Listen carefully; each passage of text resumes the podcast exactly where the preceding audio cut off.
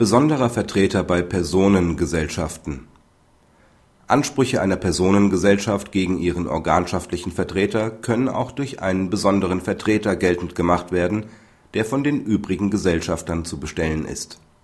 Drei Kommanditgesellschaften verlangen von ihrer gemeinsamen Komplementärin die Rückerstattung von Kommissionszahlungen.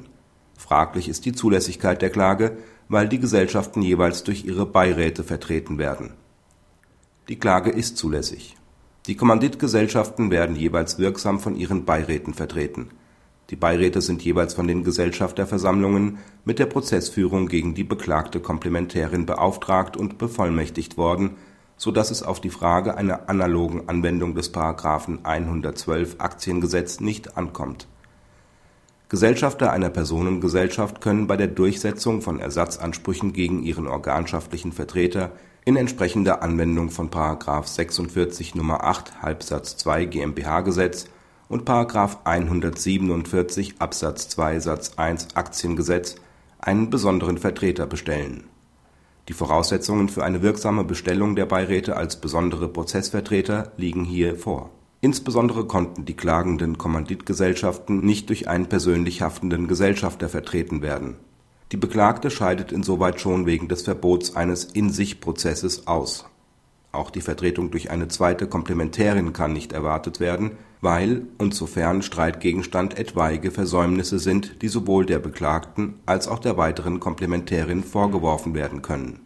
Diese Interessenlage findet im GmbH-Recht in § 46 Nr. 8 Halbsatz 2 GmbH-Gesetz Ausdruck, der die Bestellung eines Vertreters im Prozess gegen einen Geschäftsführer auch dann ermöglicht, wenn die gesetzliche Vertretung der Gesellschaft durch weitere Geschäftsführer theoretisch möglich wäre.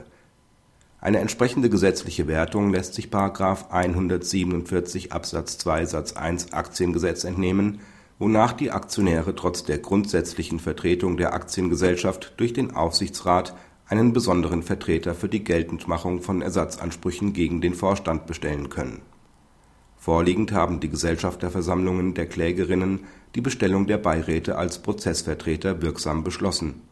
Bei den Abstimmungen war die Beklagte jeweils nicht stimmberechtigt. Die Beiräte kommen auch als besondere Prozessvertreter in Betracht. Dabei kann es sich nämlich sowohl um einen Gesellschafter als auch um einen Dritten handeln.